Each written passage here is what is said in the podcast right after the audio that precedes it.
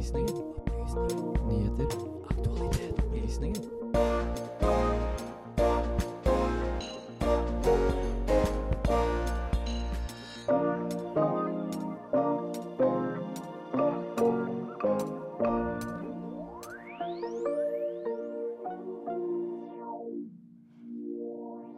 Hva er democratic backsliding? Vi ser nærmere på hvordan man bevarer et demokrati. Det har blitt mer vanlig med sensitivitetslesere, men hvem og hva er det her? Denne uka så var det kvinnedagen, men hvordan kan menn hjelpe til i kvinnekampen?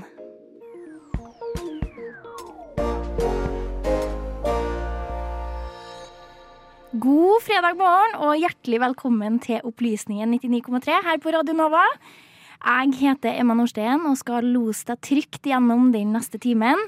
I studio med meg i dag så har jeg Amalie Sundby. God morgen. God morgen. Hvordan har morgenen din vært i dag, Amalie?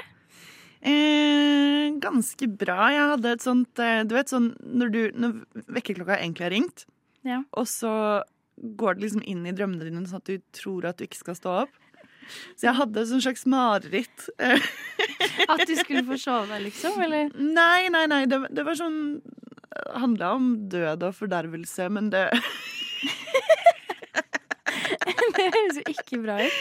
Nei, men jeg kom meg opp, da. Ja, ja det er jo det viktigste. ja, nei, vi har mye spennende her, men vi kan starte med litt musikk. Da skal vi få høre Con John med Goddamn Sure. God dag og god fredag. Hjertelig god fredag morgen. God morgen, god morgen, god morgen og god morgen. God morgen og velkommen til Opplysningen, Radio Nova sitt samfunns- og aktualitetsmagasin. Med opplysningen 99,3 på øret, ja, da blir det en god fredagsmorgen. Opplysningen 99,3. Hver fredag fra 10 til 11 på Radio Nova. Ja, da er vi i gang. Skal vi se. Um, Amalie, har du hørt om begrepet democratic backsliding før? Jeg, jeg må ærlig innrømme at jeg har bare hørt om det i redaksjonsmøtene våre. Uh, vi har jo et godt knippe statsvitere eh, i redaksjonen. Det har vi. Du og jeg er jo journalister. ja. Eh, det har ikke vært så mye snakk om det på vårt studie, tror jeg. Nei, jeg, jeg må faktisk ærlig innrømme at jeg har aldri hørt eh, det begrepet før. Eh, man kan jo kanskje liksom prøve å tenke seg sånn litt hva det betyr. Men jeg vet ikke definisjonen, på en måte.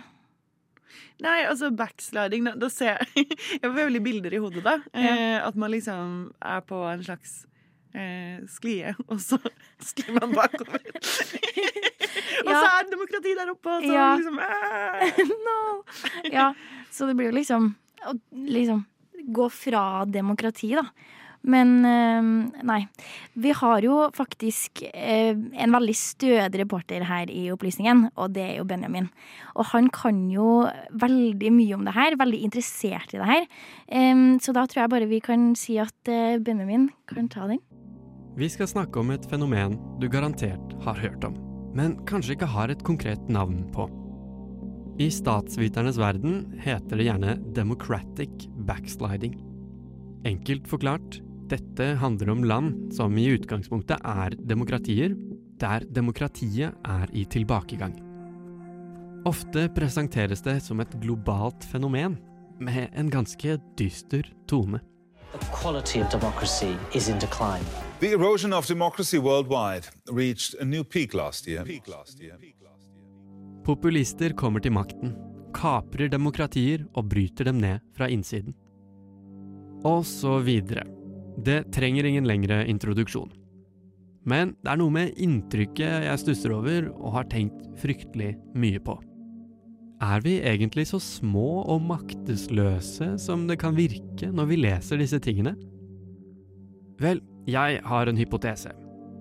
Når vi overfokuserer på nåtiden, der vi tegner sånne skumle portretter av populære autoritære ledere, ja, da er det ikke så rart at situasjonen virker både håpløs og deprimerende. I samme slengen mister vi essensen av noe mye større. Bevegelse. Verden er det jo vi mennesker som lager, og ingenting er hugget i stein. Sagt med et annet ord, vi har agens. Jeg som journalist skal ikke og kan ikke egentlig spå fremtiden. Men vi må ikke glemme at tidsdimensjonen er kjempeviktig. I mediedekningen av backslider-demokratier som Tyrkia, Ungarn, Israel, Polen eller Georgia, ja, da er vi flinkere til å formidle problemene enn motkreftene. Og motkreftene skal vi nok ikke undervurdere. For uansett hvor skumle de autoritære populistfigurene ser ut, så er det vanskelig, selv for Orban, Erdogan eller Netanyahu, å fjerne valgsystemene. Tross alt, selv i et backslider-demokrati må de fremstå legitime for å overleve ved makten. Så du vet hvem Erdogan er. Afet bölgesine yakın yerlerden başlayarak kış sezonu sebebiyle Men kan du navnet på hans største motstander? On Monday, the coalition agreed to have secular opposition leader Kemal Kılıçdaroğlu Ikke det, nei. Jeg klandrer deg overhodet ikke hvis du aldri har hørt om Kemal Kılıçdaroğlu. Også her i Medie-Norge er opposisjonskandidaten nokså ukjent. Jeg har gjort litt forskning for å backe dette opp, og slapp av, dette er helt enkle tall som det går an å formidle over lufta. Inne på nrk.no finner vi 304 unike referanser til Erdogan. Opposisjonslederen Kilic Daroglu har usle 14. I artikler på aftenposten.no dukker Erdogan opp 310 ganger. Og han Kilic Daroglu bare 16. Jeg tror du tar poenget. Noen får mer oppmerksomhet enn andre. I tiden etter det brutale jordskjelvet som rammet Tyrkia i januar, har det blitt publisert veldig få meningsmålinger. Men nå i mars måned har en tyrkisk storkoalisjon inntatt ledelsen mot Erdogan. Det kan altså gå mot valgseier for Kilic Daroglu og den tyrkiske opposisjonen. Og det er fryktelig spennende. Hvis vi reiser videre til nabolandet Georgia, et annet backslidende demokrati, lykkes demonstranter og sivilsamfunnet nylig med å reversere et veldig kontroversielt lovforslag. Det regjerende partiet Georgias drøm ville innføre den såkalte agentloven. Etter russisk inspirasjon ville loven kunne kneble sivile organisasjoner og stemple dem som utenlandske agenter. Og mens de store folkemengdene bare hopet seg opp utenfor parlamentet, brøt det ut til slåsskamp mellom politikere i folkeforsamlingen. Så på torsdag, etter mye press fra nettopp sivilbefolkningen, USA og en rekke EU-land, har da de russlandvennlige myndighetene i Georgia snudd fullstendig.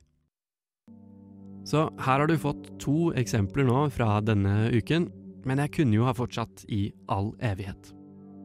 Å kjempe mot democratic backsliding er slettes ikke nytteløst. Det kan virke. Visjonene er der, men vi journalister utenfra mangler ofte dybdeforståelse av landene det gjelder. For vi som bor i Norge, har kanskje ikke den mest direkte, taktile, håndfaste følelsen av hva backsliding er, og hvordan det oppleves. Skal vi tro The Economist Intelligence Unit, eller tenketanken Freedom House, bor vi i det som år etter år kåres til verdens mest demokratiske land. Bravo, Norge! Ikke dårlig. I en artikkel for Carnegie Endowment for International Peace har forskerne Tom Carothers og Benjamin Press forsøkt å undersøke backsliding gjennom historien. Statsvitere er ofte veldig uenig i hvordan man skal sette tall på demokratisk utvikling, men Carothers og Press har likevel landet på en usedvanlig optimistisk konklusjon. To av tre backsliderland havner omsider tilbake på demokratisk kurs. Hm, er alle disse bekymringene om backsliding egentlig litt overblåst? Tja, jeg ville nok advart deg før vi kaller det en dag og begynner å hvile på laurbærkransen.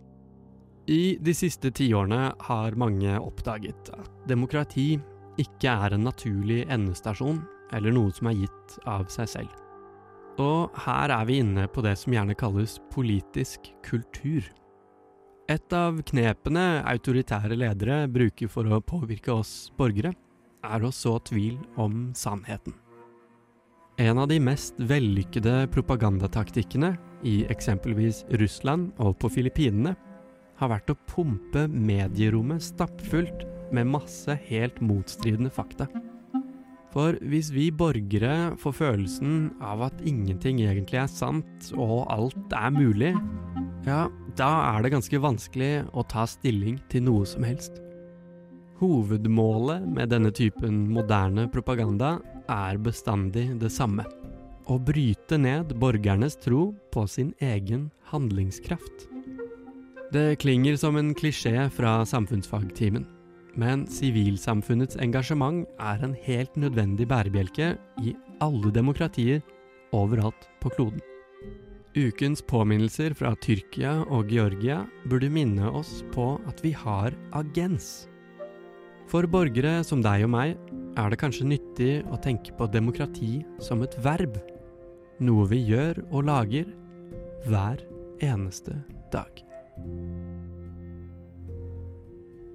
Reporter i denne saken var Benjamin Nordtumme, og musikken er henta fra Blue Dot Sessions.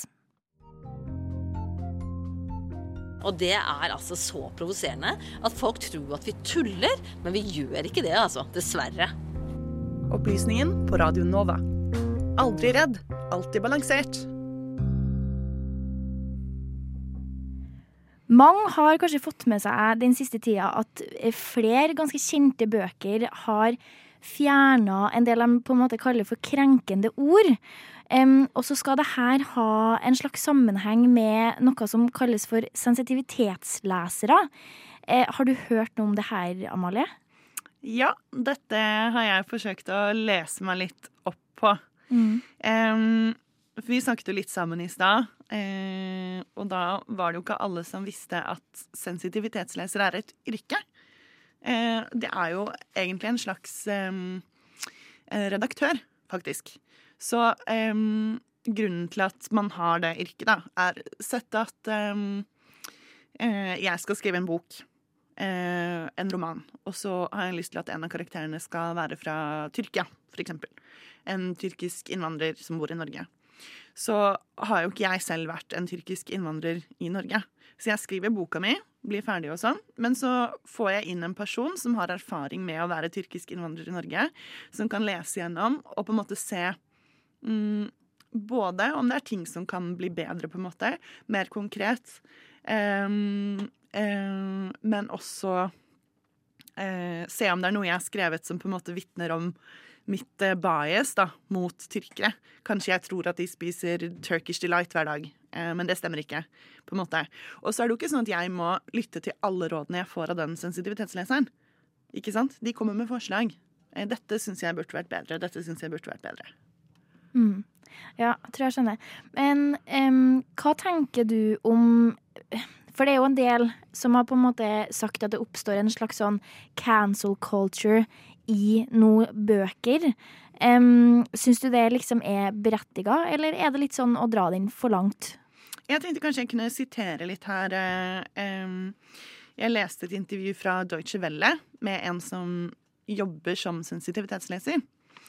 Og hun sier, nå må jeg bare oversette litt på direkten her uh, Hun sier at hun ikke syns at sensitivitetslesing uh, er så veldig nyttig når det gjelder verker som allerede er publisert. Eh, for da har jo folk allerede på en måte et forhold til teksten og det som står der. Eh, og at hun da syns det er bedre idé å gjøre sånn som Disney, at de har en advarsel eh, på starten av verket, da, hvor det f.eks. står dette ble laget da og da, i en tid med sånne og sånne holdninger og ditten datten, og please les boka med liksom det i bakhodet, da. Og et eksempel hun trakk fram, var jo faktisk Shakespeare og Othello, eh, hvor hun skrev at eh, eh, Du kan jo på en måte si at det er liksom en Altså, Othello er jo en eh, maurer, eller en svart mann, da, eh, i eh, Shakespeares England, på en måte. Nå husker jeg ikke om det foregår i England eller Italia, eller hvor det er, men uansett da, så sier hun at du kan jo lese det som at ja, det er en stereotyp at liksom eh, svarte er aggressive og voldelige, på en måte. Eh, men du kan jo også bruke liksom den kunnskapen om at det tenkte man på Shakespeare sin tid, eh, og så lese teksten uten å måtte liksom gå inn og endre hele teksten for at den skal bli mer smakelig for våre moderne mm, paletter, holdt jeg på å si. Så det er på en måte en slags, hvis jeg forstår det riktig, en litt sånn slags eh, splittelse for når det er greit å bruke sånne sensitivitetslesere. For det er jo en del som har reagert på at Roald Dahl, eksempel, eh, gir ut nye bøker, spesielt i England, eh, der, er, der de har bytta ord, eller lagt til eksempel om heksene at eh, de bruker, eller de er skalla, så de bruker parykk, men så har de lagt til ettertid at Men det er helt greit, og det er flere kvinner som bruker det av andre grunner. Um, og litt sånn, for da forandrer man, men det kanskje noen står på, er at man helst bør bruke det i en prosess når man skriver boka. Ja, eh, jeg personlig mener jo det. Eh, og det er jo flere forfattere nå, spesielt norske forfattere, som har gått ut og presisert, da, både til sine forlag og sine eh, hva kaller man det, bobestyrer, altså de som skal på en måte arve verkene, da, at de tillater ikke at noe skal endres. Så jeg mener det er en stor forskjell på at du får den tilbakemeldingen før boka blir gitt ut, og at forfatteren eh, har det endelige ordet på hva som skal stå og ikke i sin egen tekst, som deres navn står bak, enn at du tar avdøde forfattere og endrer deres tekst. Det syns jeg er stor forskjell. Ja. Ja, det er veldig sant. Jeg tenker sånn spesielt på Roald Dahl, som på en måte er Det er jo en stor del av barndommen til de fleste. Um, og, og, som du sier, at folk har jo på en måte et ansvar. Det blir jo et veldig stort bilde på liksom I min barndom så var det her eh, helt greit eller OK, eller i den og den tidsperioden så var det sånn man snakka om eh, folk, eller liksom Det var eh, måten man brukte ord på, men at det ikke er greit i dag fordi at vi har mer kunnskap og mer eh, innsikt i at det er sårende, eller så hvis at man fjerner alt det, tenker jeg da personlig, hvis at man fjerner alt det og liksom skal gå gjennom alt, um, bytte ord eller noe, så ender man jo opp med å ikke lære sånn Det synet her er feil, sjøl om de hadde det før, så er det feil. Um, så ja, nei, det er veldig interessant. Ja, altså argumentasjonen til Puffin, som er forlaget som eh, har bestilt denne sensitivitetslesingen av Roald Dahls sine bøker, er jo at eh, Jeg tar det på engelsk, jeg. Yeah. uh, this book was written many years ago, and so we regularly review the language to ensure that it can continue to be enjoyed by all today. Så de mener jo da at eh, Eller sånn jeg tolker det, da, er jo at teksten slik den sto, gjorde at ikke alle kan eh, få glede av den. Men det er jo som min far sa, eh, er det så mye bedre å bli kalt enorm enn å bli kalt feit? Jeg, jeg vet ikke. Det er absolutt et poeng. Og så Litt sånne ting da kan jo på en måte være med å skape diskusjon blant folk, og liksom som om man er voksen og leser til barn, så kan man jo på en måte bruke den muligheten til å snakke med barn om hvordan snakker vi med andre, hvordan snakker vi om andre, hva er det greit å si, på en måte, hva syns du? Um, så det, det, er en så stor mulighet til å på en måte ta de samtalene som kanskje er litt vanskelige, da, og bøker er jo en kjempefin mulighet til å gjøre det. Mm. Men en annen ting jeg lurte på, fordi altså veldig mange av de som uttaler seg om det her, er jo middelaldrende, ikke sant? Og jeg føler at jeg er sånn midt imellom, for jeg er 33. Så jeg føler at jeg står veldig sånn mellom to generasjoner. Men en ting jeg tenkte på, eh, akkurat med det begrepet feit, da For jeg har en veldig fin kjole som jeg kjøpte da jeg var 20. Eh, og så viste jeg den til en venninne som er litt yngre, og så sa jeg åh, men jeg har dessverre blitt for tjukk for denne kjolen. Og så sa hun nei, det kan, det kan du ikke si, du må si at du har vokst ut av den. Eh, og da tenkte jeg å ja, OK, så for henne og hennes generasjon så er liksom Du kan ikke si at du har blitt litt tjukk, selv om det er sant, på en måte. Mm. Eh, så jeg lurer på Det er noe sånn forskjell her som jeg tror kanskje ikke eh, foreldregenerasjonen forstår, da. Eh, det er jo litt det samme som eksempel hvis jeg hører N-ordet, så får jeg vondt inni meg. Ja. Eh, det forstår ikke mine foreldre. De, de klarer ikke å liksom sette seg inn i det, da. De tenker bare 'Å ja, men jeg mener ikke noe stygt når jeg sier det'. Så er jeg sånn Ja, men det har jo ingenting å si. Hva du mener. På en måte. Ja. Eh, så jeg, jeg syns det er litt vanskelig å forholde meg til det, for jeg føler at jeg kan bli liksom gubbete når jeg snakker om det her temaet. Ja. Nei, men jeg syns absolutt at uansett eh, hva man tenker, så er det en utrolig fin mulighet til å på en måte diskutere litt og, og finne fram til hva man tenker. Og diskusjon og debatt er jo alltid bra. Men eh, vi skal videre i opplysningen og ta for oss flere interessante saker. Men aller først så skal vi høre litt musikk. Eh, da skal vi høre Gaspar med 'Må jeg alltid bære min egen kropp'.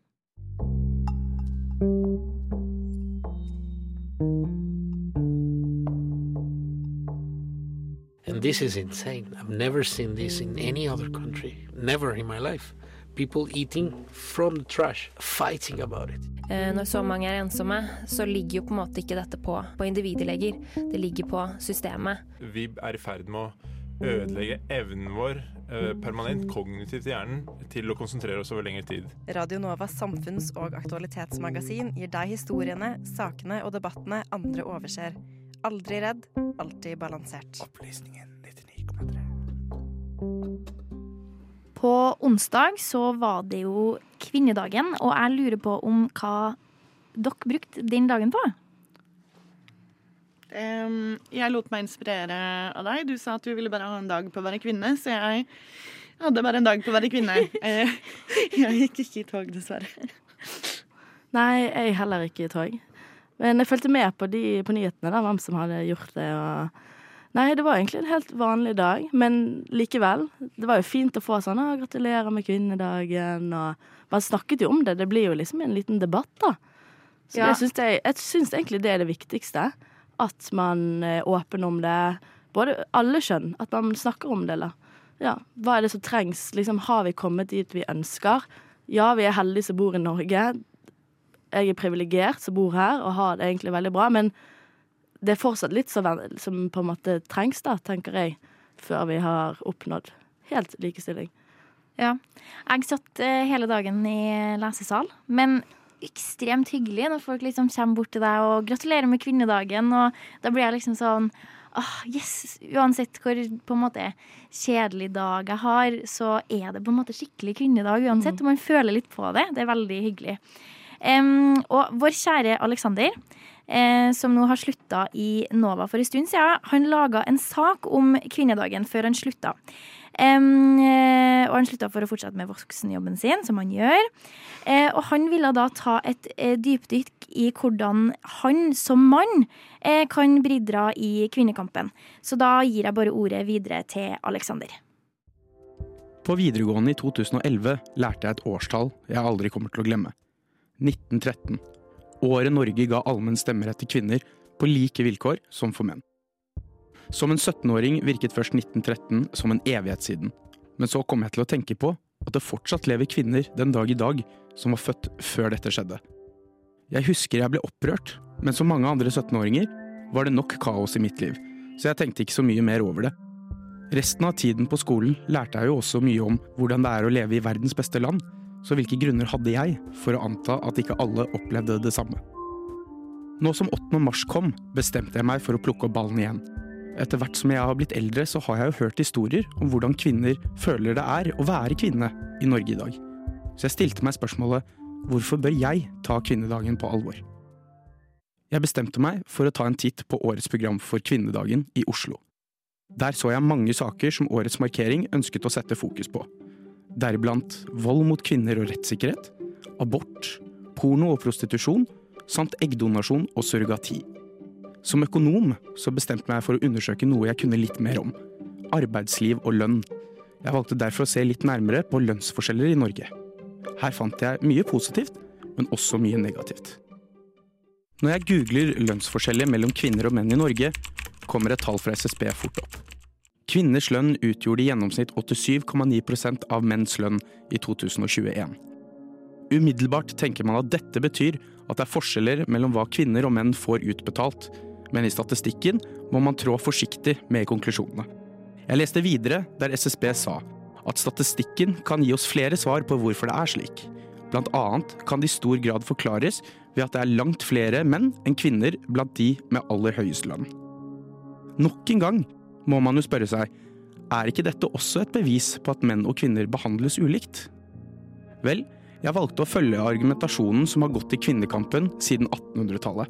Lik lønn for likt arbeid. Det kan vitne om at SSB har tenkt samme tanke, for også dette har de sett på for 2021. Her fremstilte de 125 yrker og så på forskjellen i medianlønn, altså lønnen til den personen i midten av en fordeling mellom menn og kvinner. Her følte jeg endelig at jeg fikk mer oversikt over hvordan man kan se på forskjeller mellom menn og kvinner i detalj. I en graf til SSB biter jeg meg merke i tre ting. Én positiv og to negative.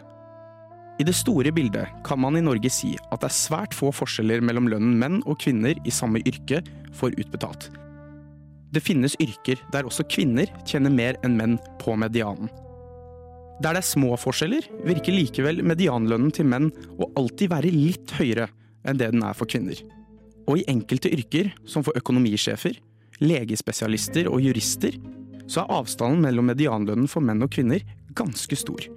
Når kvinner tjener mer enn menn, er forskjellen så liten at man kan konkludere med små forskjeller. Der menn tjener mer, er forskjellen mye oftere betydeligere. På det høyeste, som var for finans- og økonomisjefer, var forskjellen i månedslønn på medianen hele 17 210 kroner. SSB sier derfor at det ser bra ut for likestillingen i veldig mange yrker i Norge. Men det kan virke som at det finnes mange yrker der det er grunnlag for å rope høyt om mer likestilling. Som nevnt så mente SSB at det er flere årsaker til at det er forskjellen i gjennomsnittlig lønn mellom menn og kvinner totalt sett i Norge, og at en viktig variabel er forskjellen på antallet menn og kvinner blant de rikeste i Norge. Hvis vi ser på gjennomsnittslønnen i Norge, men ser bort ifra de 10% rikeste, både menn og kvinner, tjener kvinner 96,2% av hva menn tjener. Det er derfor fortsatt flere forklaringer til hvorfor lønnen er ulik mellom menn og kvinner. SSB nevner her flere slike årsaker, som at 46% av kvinner jobber deltid, mens det samme tallet for menn er 25 Kvinner er overrepresentert i offentlig sektor, mens menn er overrepresentert i privat sektor. Det finnes også kvinne- og mannsdominerte yrker, der mannsdominerte yrker ofte har høyere lønnsnivå. Etter å ha sett nærmere på denne ene delen av kvinnenes sak rundt den internasjonale kvinnedagen, sitter jeg igjen med en spesiell følelse. Selv om det i store deler av samfunnet kan virke som at alt er likestilt, ser det ut til at det er noen faktorer som jobber kvinnene imot. Jeg sitter også igjen med mange spørsmål. Hvorfor er det så få kvinner blant de rikeste i Norge? Hvorfor er lønnsnivået i kvinnedominerte yrker lavere enn de dominerte av menn? Hvorfor jobber kvinner mer deltid enn menn? Dette var mitt første forsøk på å bli bedre kjent med kvinnedagen og betydningen den har for det norske samfunnet. Og selv med en rask titt så fant jeg flere spørsmål som jeg skulle ønske jeg fant et bedre svar på. Jeg sitter derfor igjen med en følelse av at denne dagen fortsatt har betydning, og at det er verdt å sette fokus på kvinnekampen også i 2022. Også her i Norge. For første gang i mitt liv, med forståelse av hva disse ordene betyr, vil jeg ønske alle kvinner gratulerer med kvinnedagen som var. Og reporter i saken var Alexander Ramm, og musikken er henta fra Blue Dot Sessions. Og der fikk du 'Jeg har blitt en ho' av Synne Sørgjerd.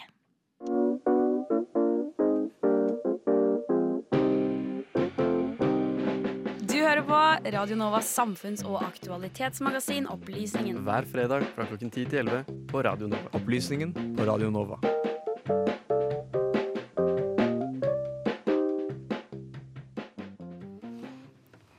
Her i Opplysningen så skal vi fortsette den fine tråden om kvinnekampen. Em, og jeg tenkte å nevne kjapt bare et um, innlegg jeg så på Instagram en dag her, um, av en artist som gikk ganske hardt ut og sa at menn ikke er så veldig flinke til å støtte opp under kvinnekampen. At de ofte har det mye i kjeften, på en måte. At de sier at de støtter kvinner og er veldig glad i kvinner, og spesielt da på kvinnedagen. Men at de kanskje ikke alltid støtter opp like bra alle andre dager i året. Um, og det her er jo et problem som Alexander er litt innom òg. At det kan kanskje være litt vanskelig som mann å orientere seg for liksom hvordan man kan virkelig hjelpe til i kvinnekampen. Eh, så det jeg har lyst til å spørre dere om i dag, damer, og Marte, som har kommet inn i studio Em, Hva tenker dere er de beste tipsene for menn som har lyst til å hjelpe damer? Eller kvinner i kvinnekampen? Ja, sånn helt konkret, et problem som tror flere har opplevd, er jo det å være på byen. Nattlivet. Der kan det være ubehagelig når man skal gå hjem. Um, statistikken viser jo at det er flere som opplever vold og så videre. Så jeg tenker jo at det, man må bare se seg litt sånn godt rundt, da. Passe på de som liksom kom, Å komme seg hjem, da. Og det gjelder jo egentlig alle. Men spesielt kvinner, der er kanskje mest utsatt.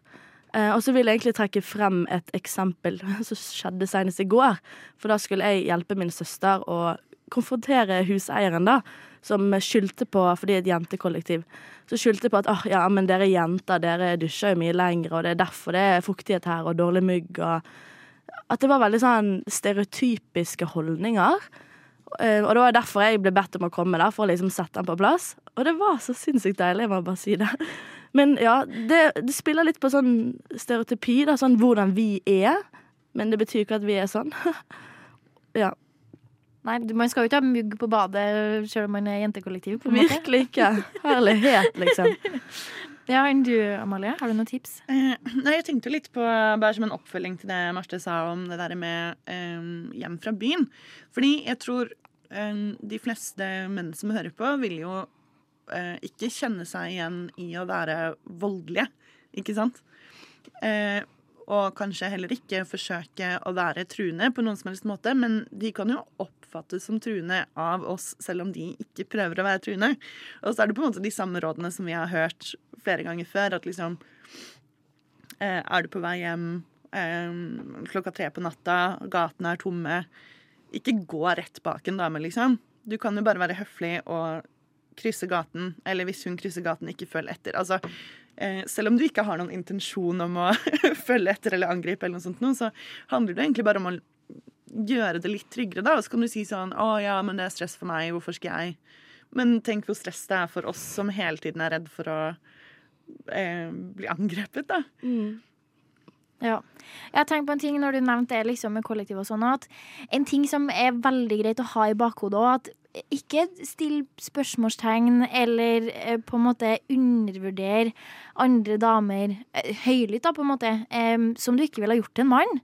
På en måte, hvorfor bare ta to sekunder og være litt sånn OK, er det på grunn av eh, måten jeg har blitt oppdratt til å sett på damer, eller er det liksom en genuin eh, tilbakemelding? Eh, for det er så ofte man liksom får den at ja, men dere damer, for eksempel, ah, du dusjer for lenge, og å nei, men eh, å, skal du bli sjef, og Det er liksom sånn, det er kjempeunødvendig, for at det er så mye eh, flinke damer som eh, får så mye pass eller kritikk som er ekstremt unødvendig. Ja, det har jo vært litt i vinden angående kvinnelig eh, humor, eh, altså de som driver med komedie, da. Og der tror jeg faktisk det ligger litt sånn ulmer fra, jeg vet ikke, miljøet, eh, at ja, kvinner er jo ikke morsomme. Og når du hører en kvinne snakke, så har du allerede liksom bestemt deg og laget en mening, på en måte. Men jeg ble veldig engasjert nå når vi snakker om dette. Fordi da begynner det å komme tanker om sånn, for eksempel fotball. Der har jo på en måte kvinner prøvd, kvinnefotball altså, prøvd å liksom øke nivået, da. Men så har man liksom dette ah, Ja, men fotball er liksom mannsdominert, og ah, de klarer jo det ikke. Og... Så jeg tror egentlig bare sånn, du som hører på, bare gi det en sjanse, da. Altså, Det er mange som snakker sånn Nei, det er jo ikke bra. Men har du vært på stadion, da? Har du sett en kamp? Har du slått på TV-en? Ja, prøv, liksom. Gi det en sjanse. Ja, og så akkurat når det gjelder eh, det der, så er jo det på en måte en litt sånn ond sirkel, tenker jeg, da. Fordi eh, de fleste, jeg håper si, profesjonelle eh, Eller jeg, jeg, nå vet jeg ikke om det er profesjonelle i rett forstand, men toppserien i kvinnefotball eh, mange av spillerne der får jo så dårlig lønn at de må ha en jobb ved siden av. Mm. De har ikke mulighet for å jobbe fulltid med å bli det beste de kan bli innen fotball. Det har jo menn. Og måten de kan få høyere lønn på, er jo at flere er interessert, flere ser på, da får de flere annonsører, og da vil de også få høyere lønn. Så det er jo også en måte å støtte opp om, er faktisk å vise interesse, se på kvinnefotball. Og da vil kvinnefotball bli bedre, for da har de mulighet for å trene mer og bli bedre. Det er jo liksom litt sånn det funker. Ja. ja, og bare en siste ting kjapt, så tenkte jeg på det at eh, prøv å Hvis at du merker noe sånn ulmen ukultur i kompisgjengen, ta det opp. Det er så ekstremt mange holdninger som på en måte man kanskje tar som kødd, men eh, sånn kommentarer er holdninger som igjen kan være eh, gå til fysisk, liksom. Én av fem jenter har blitt voldtatt, på en måte. Det er kjempealvorlig. Så bare ta tak i det. Og så tenker jeg at eh, vi i Opplysningen vi tar helg med det i bakhodet, og det håper jeg alle andre gjør òg.